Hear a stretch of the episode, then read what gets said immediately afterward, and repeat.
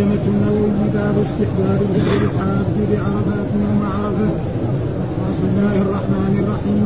حدثنا يحيى بن يحيى قال قرأت على مالك عن أبي النضر عن عمير مولى عبد الله بن عباس. عن الفضل بنت الحارث أن ناسا تناروا عندها يوم عرفة في صيام رسول الله صلى الله عليه وسلم. فقال بعضهم هو صائم وقال بعضهم ليس بصائم. فأرسلت إليه بقدح لبن وهو واقف على بعيره بعرفة فشربه قال حدثنا إسحاق بن إبراهيم بن أبي عمر عن سفيان عن أبي النضر بهذا الإسناد ولم يذكر وهو واقف على بعيره. وقال عن عمير مولى ام الفضل قال حدثني زهير بن حرب. حدثنا عبد الرحمن بن مهدي عن سفيان عن السائب بن أبي النضر بهذا الاسناد بهذا الإسناد نحو حديث بن عيينه وقال عمير مولى أم الفضل وحدثني هارون بن سعيد الذي حدثنا ابن وهب اخبرني عمرو أن أبا أن أبا النضر حدثه أن عمير مولى بن عباس رضي الله عنهما حدثه انه سمع أم الفضل رضي الله عنها تقول شك ناس من أصحاب رسول الله صلى الله عليه وسلم في صيام يوم عرفة ونحن بها مع رسول الله. مع رسول الله صلى الله عليه وسلم فارسلت إليه بقعد فيه لبن وهو بعرفة فشربه قال وحدثني هارون بن سعيد الايلي وحدثني ابن وهب اخبرني عمرو عن بكير بن الاشد عن كريب مولى ابن عباس رضي الله عنهما عن ميمونة زوج النبي صلى الله عليه وسلم أنها قالت إن الناس شكوا في صيام رسول الله صلى الله عليه وسلم يوم عرفة. فارسلت اليه ميمونه بكلاب اللبن وهو واقف لموقفه منه والناس ينظرون إليه. باب صوم يوم عاشوراء. قال حدثنا زهير بن حرب حدثنا جرير عن هشام بن عروة عن أبيه عن عائشة عن عائشة رضي الله عنها قالت كانت قريش تصوم عاشوراء في الجاهلية وكان رسول الله صلى الله عليه وسلم يصومه فلما هاجر إلى المدينة صامه وأمر بصيامه. فلما فرض شهر رمضان قال من شاء صامه ومن شاء تركه. قال وحدثنا أبو بكر بن أبي شيبة وأبو كريب قال حدثنا ابن نمير عن هشام بهذا الإسناد ولم يذكر في أول الحديث وكان رسول الله صلى الله عليه وسلم يصومه. وقال في آخر الحديث وترك عاشوراء فمن شاء صامه ومن شاء تركه. ولم يجعله من قول النبي صلى الله عليه وسلم كرواية الجرير. قال حدثني عمرو بن ناقد حدثنا سفيان عن الزهري عن قوة عن عائشة رضي الله عنها أن يوم عاشوراء كان يصام في الجاهلية فلما جاء الإسلام من شاء صامه ومن شاء تركه. قال حدثنا حدث بن يحيى أخبرنا ابن وهب أخبرني يونس عن ابن شهاب أخبرني عروة بن الزبير أن عائشة رضي الله عنها قالت كان رسول الله صلى الله عليه وسلم يأمر بصيامه يأمر بصيامه قبل أن يفرض رمضان فلما فرض رمضان كان من شاء صام يوم عاشوراء ومن شاء أفطر. قال حدثنا قتيبة بن سعيد ومحمد بن رمح جميعا عن الليث بن سعد. قال ابن رمح أخبرنا الليث عن يزيد بن أبي حبيب أن عراقا أخبره أن عروة أخبره أن عائشة أخبرته أن قريشا كانت تصوم عاشوراء في الجاهلية. ثم أمر رسول الله صلى الله عليه وسلم بصيامه حتى فرض رمضان فقال رسول الله صلى الله عليه وسلم من شاء فليصمه ومن شاء فليفطر. قال حدثنا أبو بكر بن أبي شيبة حدثنا عبد الله بن نمير حاء وحدثنا ابن نمير مدخوله قال حدثنا أبي حدثنا عبيد الله عن نافع أخبرني عبد الله بن عمر رضي الله عنهما أن أهل الجاهلية كانوا يصومون يوم عاشوراء وأن رسول الله صلى الله عليه وسلم صامه والمسلمون قبل أن يفترض رمضان فلما افترض فلما افترض رمضان. قال رسول الله صلى الله عليه وسلم إن عاشوراء يوم من أيام الله فمن شاء صامه ومن شاء تركه. وحدثناه محمد بن المثنى وزهير بن حرب. قال حدثنا يحيى وهو القطان. وحدثنا أبو بكر بن أبي شيبة. قال حدثنا أبو أسامة كلاهما عن عبيد الله هذا الاسناد يكفي. أعوذ بالله من الشيطان الرجيم. بسم الله الرحمن الرحيم. الحمد لله رب العالمين والصلاة والسلام على سيدنا ونبينا محمد وعلى آله وصحبه وسلم أجمعين. قال الإمام الحافظ أبو الحسين مسلم بن الحجاج القشيري النسابوري رحمه الله تعالى والترجمة الذي ترجم بها الإمام النووي باب استحباب الفطر للحاج بعرفات يوم عرفة. ثبت في أحاديث عن رسول الله صلى الله عليه وسلم أن صيام يوم عرفة يكفر السنة الماضية والمقبلة. احاديث قالها الرسول صلى الله عليه وسلم قبل أن يحج وكان المسلمون يصومون يوم عرفة فإنه يكفر سنتين السنة الماضية والسنة المقبلة فكان أصحاب رسول الله صلى الله عليه وسلم يصومون. فلما حج رسول الله صلى الله عليه وسلم في عام عشرة من هجرته صلى الله عليه وسلم حصل شك هل الرسول صائم أو غير صائم. فما هو الطريقة السليمة؟ يقول له أنت صائم يا رسول الله؟ ما هو لائق ما هو الشيء اللازم هذا فأم الفضل قدمت لرسول الله صلى الله عليه وسلم لبنا وهو واقف بعرفة فشربه فعلموا أن إيه؟ أن الأفضل هو ذلك فهذا معناه يعني باب استحباب الفطر للحاج.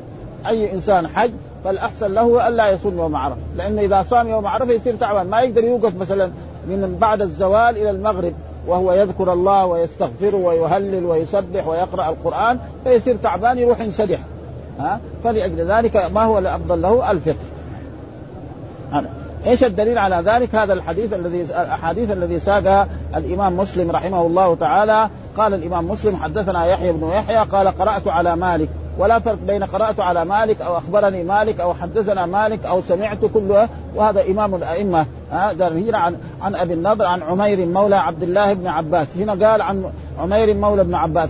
في الأحاديث الثانية يقول عن مثلا عن عمير مولى أم الفضل. آه المعنى صحيح. ليه؟ لأن المولى الذكر يلازم إيه؟ الولد. ما يلازم المرأة أكثر. فلأجل ذلك هو في الحقيقة مولى إيه؟ أم الفضل. إيش معنى المولى؟ مولى العتيق. آه شخص يكون عنده مملوك ذكرا أو أنثى فيعتق فيسمى مولى. كما في الأحاديث الكثيرة نقول بلال مولى أبي بكر الصديق رضي الله تعالى عنه. آه رافع مولى رسول الله صلى الله عليه وسلم. هذا هو المولى. وتارة يجي المولى بمعنى يعني تقريبا الذي ينصر الإنسان ويؤيده ها؟ كما يقول مثلا الله مولى قال الرسول يوم أحد الله مولانا ولا مولى لك ويأتي مرة المولى بمعنى من أسلم على يديه ها؟ يعني الإمام البخاري رحمه الله تعالى يقول محمد بن إسماعيل نعم ابن بردزبه البخاري مولى الجعفي إيش مولى جد البخاري أسلم عليه فهذه تقريبا المولى في إيه؟ في, آه في الإسلام في اللغة العربية أو في كتب الحديث هذا معنى المولى إما العتيق وإما الناصر وإما من أسلم على يديه فيقول آه فهنا مولى بمعنى عتيق، من الذي اعتق هذا عمير؟ نعم هي أم الفضل ولكن لملازمة عبد الله بن عباس صار يسمى مولى إيه؟ ابن عباس. وإلا هو في الحقيقة قال أم الفضل بنت الحارث وهي زوجة العباس رضي الله تعالى عنه وأم إيه؟ عباس أن ناسا يعني أن بعض من اصحاب تماروا يعني شكوا مو معنى تجادلوا. واحد يقول أنا صا... رسول آه صائم واحد يقول آه تماروا. معناه إيه؟ حصل شك. هل الرسول صائم أو غير صائم؟ آه لأن الرسول أمرنا في المدينة أن نصوم يوم عرفة. والآن يوم عرفة. فإيش الطريقة السليمة؟ الطريقة السليمة ما من الأدب ما نقول له يا رسول الله أنت صائم آه نقدم له فقدموا له شراب فشربه فعلم أن إيه؟ الأفضل هو إيه؟ لأن الرسول لا يفعل إلا الأفضل. فقال بعضهم هو صائم وقال بعضهم فأرسلت إليه بقدح يعني إيه؟ وعاء فيه لبن وهو واقف على بعيره بعرفة فشربه. آه خلاص ففهم من ذلك ما هو الأفضل للحاج ألا يصوم يوم عرفة.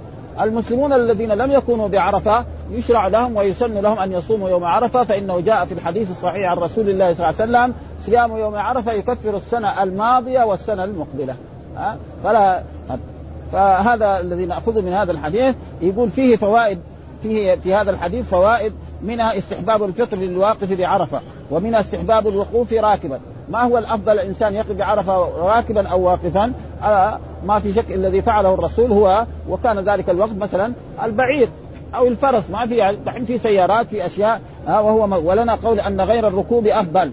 في قول آخر يعني عند مذهب الإمام الشافعي وقيل إنهما سواء ومنه جواز الشرب قائما. يعني يستدل بهذا الحديث جواز الشرب قائما وراكبا.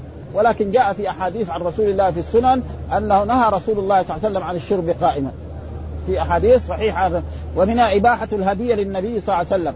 لأن الرسول يعني من صفاته أنه إيه؟ يقبل الهدية ويأكل منها.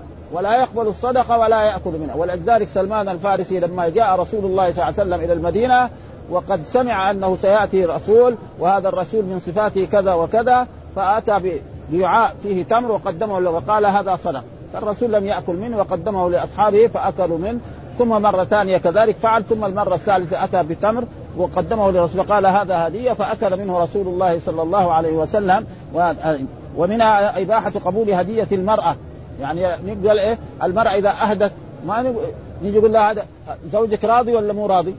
ما نسأله هذه فقبول يعني الموثوق بها بدينها ولا يشترط أن يسأل هو من مالها مثلا مرأة أهدت نقول لها هذا المال هذا الهدية منك أنت ولا من زوجك أو لا نأخذ وخصوصا هدايا بسيطة لا ما أدري لكن تهدي آلاف ولا هذا لا هذا ليس لها ذلك. فهذا معناه واشترط هل هو من مالي أم من مال زوجها وأنه وأنه أذن فيه أم لا إذا كان موثوقا بدينه. ومنها أن تصرف المرأة في مالها جائز وهذا يؤخذ من هذا الحديث أن المرأة لها أن تتصرف في مالها ما يحتاج تستأذن. يعني من زوجها أو من أبيها. آه كما هو في الإسلام فإن رسول الله صلى الله عليه وسلم خطب النساء في العيد تقدم لنا فلما خطب النساء قال تصدقنا. فصارت المرأة تخرج نعم يعني في الحلقة حقها وترميه في ثوب بلاد ما استأذنت. وهذا هو إيه؟ المذهب الإسلام. لكن الغربيين وفي أوروبا لا المرأة لا تتصرف في مالها إذا تزوجت. لكن تتصرف في عرضها. تروح مع الشياطين ما في شيء. ها؟ لكن ما لا ما تتصرف فيه. ابدا. مثلا في في أوروبا مثلا مرأة عمرها بنت عمرها 18 سنة. لها أن تسافر. ولا تستأذن لا من أبيها ولا من امها ولا من أشياء. ولو اشتكى للحاكم ليس له. تروح محل مع مع لكن ما لها لا تتصرف ها؟ الإسلام لا المرأة تتصرف في مالها ها؟ في الثلث يعني. لها أن تتصرف وهذه يعني فوائد من هذا الحديث الذي قرأناه منها فوائد استحباب الفطر للواقف بعرفه ومنها استحباب الوقوف راكبا وهو الصحيح في مذهبنا ولنا قول أن غير الركوب أفضل وقيل إنهما سواء ومنها جواز الشرب قائما وراكبا ومنها إباحة الهدية للنبي صلى الله عليه وسلم ومنها إباحة قبول هدية المرأة المتزوجة الموثوق بدينها ولا يشترط أن يسأل هل هو من مالها أو من مال زوجها أو أنه أذن فيه أم لا أم لا. إذا كانت موثوقا بدينها ومنها أن تصرف المرأة في مالها جائز ولا يشترط إذن الزوج سواء تصرفت في الثلث أو أكثر. وهذا مذهبنا يريد مذهبنا يعني مذهب الإمام الشافعي لأن الإمام النووي يعني مذهبه شافعيين. ها وموضع الدلالة من الحديث أنه صلى الله عليه وسلم لم يسأل هل هو من مالها ويخرج من الثلث أو بإذن زوجها أو لا. ولو اختلف الحكم لسأل. هذا الحديث الأول والأحاديث كلها بهذا المعنى. يعني والحديث الثاني قال وقال الإمام مسلم كذلك حدثنا إسحاق بن إبراهيم ها وابن أبي عمر عن سفيان وهو سفيان الثوري عن أبي النضر بهذا الإسناد ولم يذكر وهو واقف على بعيره. ها ومعلوم أن الرسول لما حج كان واقفا على بعير من بعد الزوال إلى غروب الشمس بعرفة مستقبلا القبلة يدعو ويهلل ويستغفر ويلبي ها وهذا يعني لا يضير ها كل واحد يروي الشيء وقد ينقص عليه. وقال عمير مولى أم الفضل هنا قال عمير إيه؟ مولى أم الفضل وهنا قال عمير إيه؟ مولى ابن عباس. ليش كده؟ لأنه لأنه ملا... لملازمة عبد الله بن عباس هو كالطالب دائما يسمع عبد الله الناس لما يشوفوه يقولوا مولى ابن عباس. ما يدري إنه مولى إيه؟ ها؟ امه وحدثنا زهير بن حرب حدثنا عبد الرحمن بن مهدي عن سفيان عن سالم عن أبي النضر بهذا الإسناد نحو حديث ابن عيينة وقال عن عمير مولى أم الفضل. برضه الحديث. فإذا إيه هو مولى الفضل ومعنى المولى العتيق. هذا معنى الأنم. وحدثنا هارون بن سعيد الأيلي حدثنا ابن وهب أخبرني عمرو أن أبا النضر حدثه أن عميرا مولى ابن عباس. هنا دحين قال مولى ابن عباس. ليه كان مولى؟ لملازمة عبد الله بن عباس.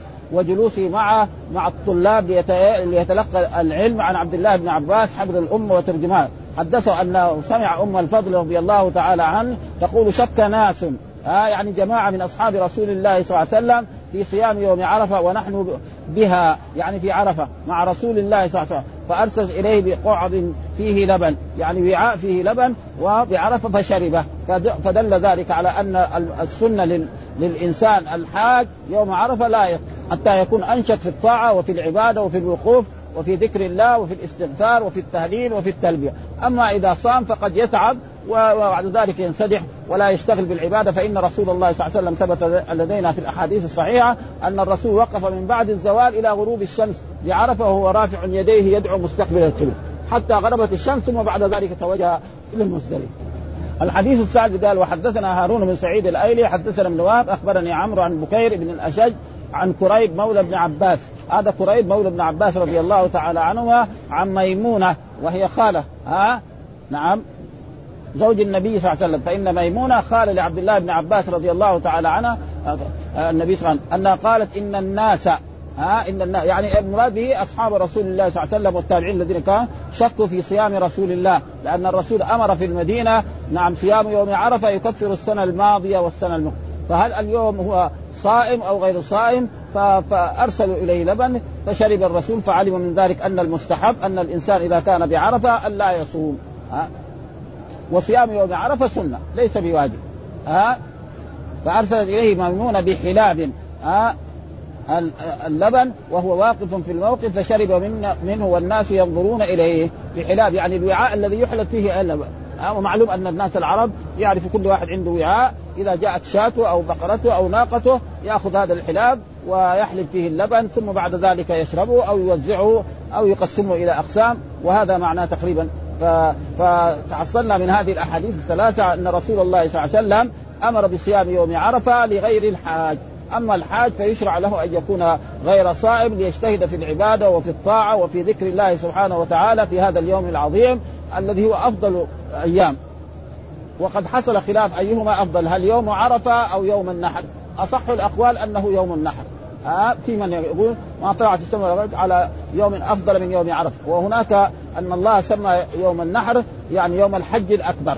ها فهو إيه أفضل. ولذلك الرب سبحانه وتعالى بعد أن وقفوا بعرفة سمح لهم في اليوم العاشر نعم ليدخلوا إلى بيته ها ويطوفوا بالبيت الحرام ويسعوا بين الصفا والمروة لمن لم يكن سعى فهذا يعني أصح. وهناك من العلماء من يرى أن يوم عرفة أفضل من يوم النحر ولكن أصح الأقوال هو أن يوم النحر أفضل ها لأنه سماه الله يوم الحج الأكبر. ثم ذكر ترجمة أخرى باب صوم يوم عاشوراء. ما هو يوم عاشوراء؟ هو اليوم العاشر من شهر المحرم. هذا هو يوم عاشوراء. ورسول الله صلى الله عليه وسلم كان يعني يصوم قبل أن يهاجر وكان المس... آه يعني أهل الجاهلية يصومونه. نعم قبل ذلك يعني من الشرائع المتبقية في في في العرب.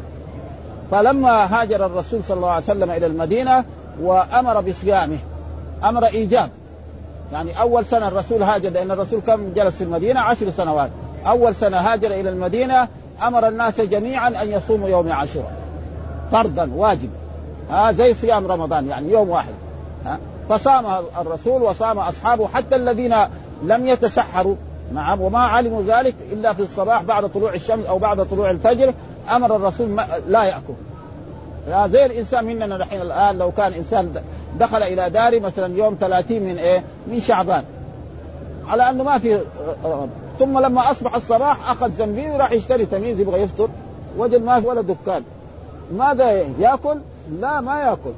يقعد صائم ما ياكل ولا يشرب وبعد ذلك يقضي هذا اليوم. لأنه ما نوى الصيام من الليل. ها؟ من لم يبيت الصيام من الليل فلا صوم. لازم صيام الفرض لازم يكون إيه؟ نيته من الليل. أما صيام التطوع له أن يصبح مفطر. رجل ما أكل الساعة مثلا أربعة ولا الساعة خمسة يعني غير بغير الزوال أو الساعة 11 يقول أنا صائم أما الفريضة لابد أن يبيت ولذلك باب صوم يوم عاشوراء وهو اليوم العاشر ثم بعد ذلك في آخر حياة الرسول صلى الله عليه وسلم أمر أن الرسول إن أنه يصوم إيه يوما بعد أو يوما حتى يخالف إيه اليهود. ها؟ ولكن الرسول ما عاش لأن هذا الظاهر أن الرسول قاله في عام عشرة من, من الهجرة. نعم. وفي العام الحادي عشر أو قالوا في عام عشرة في عام أحد عشر قيد الرسول توفي في إيه؟ في شهر ربيع الأول في اليوم الثاني عشر من شهر ربيع. فهذا معناه يعني باب صوم إذا إيه مشروعية صوم إيه يوم عاشور. سنة ليس بواجب. آه كان أول واجب في أول سنة وفي في السنة الثانية أصبح سنة. إيش الدليل على ذلك؟ هذه الأحاديث الذي ساقها وهي طويلة جدا. قال حدثنا زهير بن حرب حدثنا جرير عن هشام بن عروة عن أبيه. ها آه هشام بن عروة عن عر... عن أبيه وهو عروة بن الزبير أحد الفقهاء السبعة عن أبيه عن عائشة وهي خالة لعروة بن الزبير رضي الله تعالى عنه. قالت كانت قريش يعني كان العرب تصوم عاشوراء يعني يوم عاشوراء في الجاهلية وكان رسول الله صلى الله عليه وسلم يصوم. حتى الرسول صلى الله عليه وسلم كان يعني هذا من إيه؟ من الأديان اللي تقدم ذلك فلما هاجر إلى المدينة صامه وأمر بصيامه. هنا محل الشاهد وأمر بصيامه أمر إيجاب. ها؟ أمر بصيام. وغير ما مر قلنا أن الأمر تارة يكون للوجوب وتارة فلذلك بعض العلماء يرى إنه أمر يعني أمر إيجاب. يجب على كل مسلم في العام الأول من هجرته صلى الله عليه وسلم يوم عاشوراء أن يصوم فرض. زي ما يصوم يوم واحد من عرفة. ها؟ من رمضان. فلما فرض شهر رمضان ومعلوم شهر رمضان فرض في السنة إيه؟ الثانية من هجرته صلى الله عليه وسلم. ها؟ ها؟ وأنزل الله تعالى قال كتب عليكم الصيام كما كتب على الذين من قبلكم ثم في في نفس في نص الآية فمن شهد منكم الشهر فليصم ومن كان مريضا أو على سفر فعدة من أيام أخر. فلما فرض قال من شاء صامه ومن شاء ترك. وفهم من ذلك إن صيام يوم عاشوراء عاشوراء إيه؟ سنة. ها؟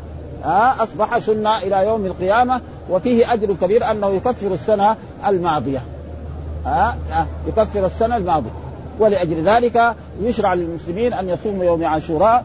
ومن السنة الأخيرة التي ثبتت عن رسول الله أنه يشرع للمسلمين أن يصوموا يوما قبله أو يوما بعده ها لا يصوم لأن إذا صام واحد يوم كأنه يعني كان مثل اليهود فيصوم يوما وقد سئل اليهود لماذا أنتم تصومون؟ الرسول سألهم قالوا إنه هذا يوم نجى الله في موسى وأغرق فرعون فنحن نصومه شكرا لله. جاء في أحاديث في الآخر فقال الرسول نحن أولى منكم بموسى. وهذا ليس معناه تقليدا لليهود حاشا رسول الله صلى الله عليه وسلم أن يقلد اليهود في ذلك. إنما يعني لما ثبت عنده ذلك وجاءه أمر من ربه ها فرسول الله صلى الله عليه وسلم صام يوم عاشوراء في في السنوات الأولى يعني من من السنة الثانية إلى السنة العاشرة. وفي وفي بعدها من سنة قال إذا لئن عشت لقابل لأصومن التاسع أو العاشر أو الحادي عشر. فإذا يشرع فمن شاء صامه ومن شاء تركه فإذا أصبح صيام يوم عاشوراء إيه؟ سنة. قال اتفق العلماء على أن صوم يوم عاشوراء نعم اليوم سنة وليس بواجب. يعني اليوم يعني من إيه؟ من بعد ما يعني فرض رمضان ليس بواجب. واختلفوا في حكمه في أول الإسلام حين شرع شرع صومه قبل صوم رمضان. فقال أبو حنيفة كان واجبا. واختلف أصحاب الشافعي فيه على وجهين مشهورين. اشهرهما عنده أنه لم يزل سنة من حين شرع ولم يكن واجبا. والصحيح أنه كان واجب في هذه الأمة ولكنه كان نعت متأكدا الاستحباب فلما نزل صوم رمضان صار مستحبا دون ذلك الاستحباب. والثاني كان واجبا والصحيح أنه كان واجب في أول سنة. كقول أبي حنيفة وتظهر فائدة الخلاف في اشتراط نية الصوم الواجب من الليل فأبو حنيفة لا يشترط. ويقول كان الناس مفطرين أول يوم عاشوراء ثم أمروا بصيام بنية من النهار ولم يؤمروا بقضائه بعد صومه. وأصحاب الشافعي يقولون كان مستحبا فصح بنية آه من النهار ويتمسك أبو حنيفة بقول أمر بصيامه والأمر للوجوب. قواعد علمية في اللغة العربية وفي الأصول في الأصول يعني أصول الفقه وأصول الحديث. إذا أمر الرسول هو للوجوب. أي شيء ها؟ آه حتى يأتي دليل يصفه من الوجوب إلى إلى الندب أو الاستحباب أو هذا. هذه قاعدة. فاقيموا الصلاة. خلاص يعني نفهم إيه؟ واجب إقامة الصلوات الخمس. ها؟ ابدا ها؟ أما النوافل ما هي واجبة. هذه قاعدة. وتارة يعني يأتي أدلة تدل على من ذلك مثلا نعم صلوا قبل المغرب صلوا قبل المغرب. ما هو واجب؟ ها إذا صلى فله ذلك ولأجل ذلك ليس كل أمر للوجوب. ها؟ وبقوله هذا يوم ولم يكتب الله عليكم صيام. والمشهور في اللغة أن عاشوراء وتاسعاء ممدودان. يعني عاشوراء. ها؟ هذا كذا. ها؟ وجاء بعضهم عاشوراء بالقصر. ها؟ زي صحراء وزي حبلى وسلمى.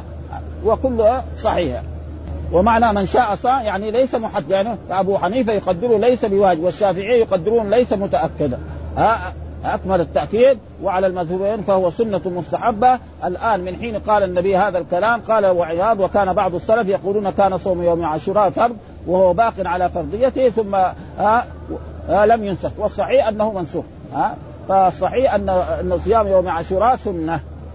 وقال كذلك الحديث الثاني حدثنا أبو بكر بن أبي شيبة وأبو كريب قال حدثنا ابن نمير عن هشام بهذا الإسناد ولم يذكر في أول الحديث وكان رسول الله صلى الله عليه وسلم يصومه وقال في آخر الحديث وترك عاشوراء ها ترك إيه؟ يعني وجوب صيام يوم عاشوراء فمن شاء صامه ومن شاء تركه ولم يجعله من قول النبي صلى الله عليه وسلم يعني الذي قال هذه الكلمات نعم فمن شاء صامه ومن شاء تركه هل من كلام رسول الله صلى الله عليه وسلم؟ فيصير مرفوع ويصير حديث سنة. ومنهم يقول لا هذا من إيه؟ من قول إيه؟ الصحابي أو أحد العلماء. وهذا يسمى في في مصطلح الحديث مدرج. ها؟ يعني الحديث ما قاله الرسول يسمى هو متن الحديث. وما يأتي به العالم بعد ذلك كشرح أو تفسير أو غير ذلك يسمى إيه؟ مدرج. فبعضهم يرى إنه فمن شاء صام ومن شاء ترك هذا من قول إيه؟ رسول الله صلى الله عليه وسلم فيصير من جملة الحديث. وآخرين من العلماء يقولوا لا أن هذا من قال هذا إن من قال ذلك هو مين؟ نعم أحد الرواة. ها؟ يعني أحد الرواة مثلا يعني الذين رووا إما أبو بكر بن أبي شيبة أو ابن نمير أو هشام أو غير ذلك. فهذا معناه يعني هذا الكلام ولم يجعله من قول النبي صلى الله عليه وسلم. يعني بمعنى إيه مدرج. آه وهذا يسمى في الاصطلاح الحديث مدرج. وهذا موجود كثير في أحاديث عن رسول الله صلى الله عليه وسلم. يأتي الحديث ثم يقوم أحد التابعين أو أحد العلماء ويذكر من ذلك بما أذكره يعني الآن أن الرسول صلى الله عليه وسلم يعني لما توفي نعم دفن في في بيته الذي توفي فيه فتقول عائشة ولولا ذلك نعم لأبرز قبره. يعني خذ أن إيه؟ أن رسول الله صلى الله عليه وسلم قبره يتخذ مسجدا. ها؟ ولولا ذلك لكان دفن في البقيع مع أصحابه. ولكن خاف ذلك فلذلك فهذا ليس من كلام رسول الله صلى الله عليه وسلم وكثير يعني هذا موجود في الأحاديث إما الإمام مالك أو الشافعي يأتي بجملة أو أحد التابعين مثلا الزهري الذي هو يعني عالم الحديث في الحجاز إلى غير ذلك. وكذلك قال حدثنا عمرو الناقد وحدثنا سفيان ها عن الزهري الذي هو شيخ المحدثين في الحجاز عن عروة بن الزبير أحد الفقهاء السبعة عن عائشة رضي الله تعالى عنها أن يوم عاشوراء كان يصام في الجاهلية، يعني كان أهل الجاهلية قبل الإسلام في مكة مع كفرهم وشركهم يصومونه. ها تقربا إلى الله، ها فلما جاء الإسلام من شاء صامه ومن شاء تركه. ها فلما جاء الإسلام في السنة الثانية من هجرتها وأما في أول سنة من من الهجرة فكان واجبا صيامه لأنه في الحديث تقدم لنا أمر رسول الله صلى الله عليه وسلم بصيامه وكل أمر من الله أو الرسول فهو يكون إيه واجب. وصيغ الأمر في اللغة العربية معروفة هي أربعة. آه أي إنسان يعني إذا قلنا أمر كذلك وكذلك إذا كان بلفظ الأمر مثلا افعل كذا. هذا واحد. أو فليفعل دخل فعل مضارع يدخل عليه لام الأمر. أو مثلا مصدر آه قراءة. واحد إذا قلنا قراءة معناه إيه؟ يعني إقرأ قراءة. ها أو مثلا اسمه فعل أمر. صح بمعنى إيه؟ اسكت. سماه اسم فعل. مه بمعنى انكفر ها؟ وثالثا الأمر والنهي الأمر هذا إذا كان من الأعلى للأدنى يسمى أمر. وإذا كان من الأدنى للأعلى يسمى إيه؟ دعاء. ها؟ ربي اغفر لي. إحنا ما بنامر شحاتين نحن. ها؟ ربي اغفر لي. نقول اغفر لي هذا. فعل دعاء. ها؟ نسميه فعل دعاء. ربي اغفر لي اغفر فعل دعاء مبني على السكون. زي فعل الأمر. فدائما إذا كان الأمر من الأعلى للأمر. وإذا كان من الأدنى يكون كذلك. وحتى في النهي كمان كده. ها ربنا لا تؤاخذنا. إحنا ما بنقول يعني لا تؤاخذنا. شحاتين ها لا تؤاخذنا. فهذا يسمى إيه؟ يعني اللام هنا دعائية. وهكذا يعني تقريبا. وقال كذلك حدثنا حرملة بن يحيى أخبرنا ابن وهب أخبرني يونس عن ابن شهاب أخبرني عروة بن الزبير أن عائشة رضي الله تعالى عنها قالت كان رسول الله يأمر بصيامه. هذا جاء, جاء يأمر بصيامه قبل أن يفرض رمضان في أول سنة من هجرته صلى الله عليه وسلم. فلما فرض رمضان كان من شاء صام يوم عاشوراء ومن شاء أفطر ثم بعد ذلك في آخر الأمر أمر رسول الله صلى الله عليه وسلم أن نخالف اليهود وأن نصوم يوما قبله أو يوما بعده. ولكن الرسول ما أدرك تلك فإذا يشرع لنا يشرع للمسلمين من ذلك الوقت أنهم إذا جاء يوم عاشوراء يصوم يوم التاسوعاء ويوم عاشوراء أو يصوم يوم عاشوراء ويوم أحد عشر. حتى يكون فيه مخالفة لليهود فإن رسول الله صلى الله عليه وسلم كان يرغب في أول ما هاجر إلى المدينة هنا كان يحب أن يوافق إيه اليهود والنصارى في بعض أشياء منهم لعلهم يؤمنوا ولعلهم هذا. ثم ظهر فلذلك كان الرسول أمر نهى عن صيام يوم السبت. ثم بعد ذلك أمر بصيام لأنه ما في فائدة. جلس معهم عشر سنوات وهم لا يزالوا على كفرهم وشركهم وعداوتهم لليهود وللإسلام. فلأجل ذلك في هذا. ومن شاء أفطر. وكذلك ذكر في هذا الحديث وإنما هو مستحب وروي عن ابن عمر كراهة قصد صومه وتعيينه. والعلماء مجمعون على استحبابه يعني واحد إذا قال من الصحابة يكره وهذا موجود يعني في بعض الأحاديث. مثل ما يعني سيأتي ان أن مثلا موجود في في مذهب الإمام مالك رحمه الله تعالى يكره صيام ستة من شوال. ليه؟ لأنه هو رأى إيه؟ أن الناس الآن حقيقة في عهد الآن دحين بعض الناس نهار ما ينتهي رمضان واحد يوم يفطر ثم بعد ذلك يبتدي في صيام الستة من شوال. نهار سبعة يقول عيدنا.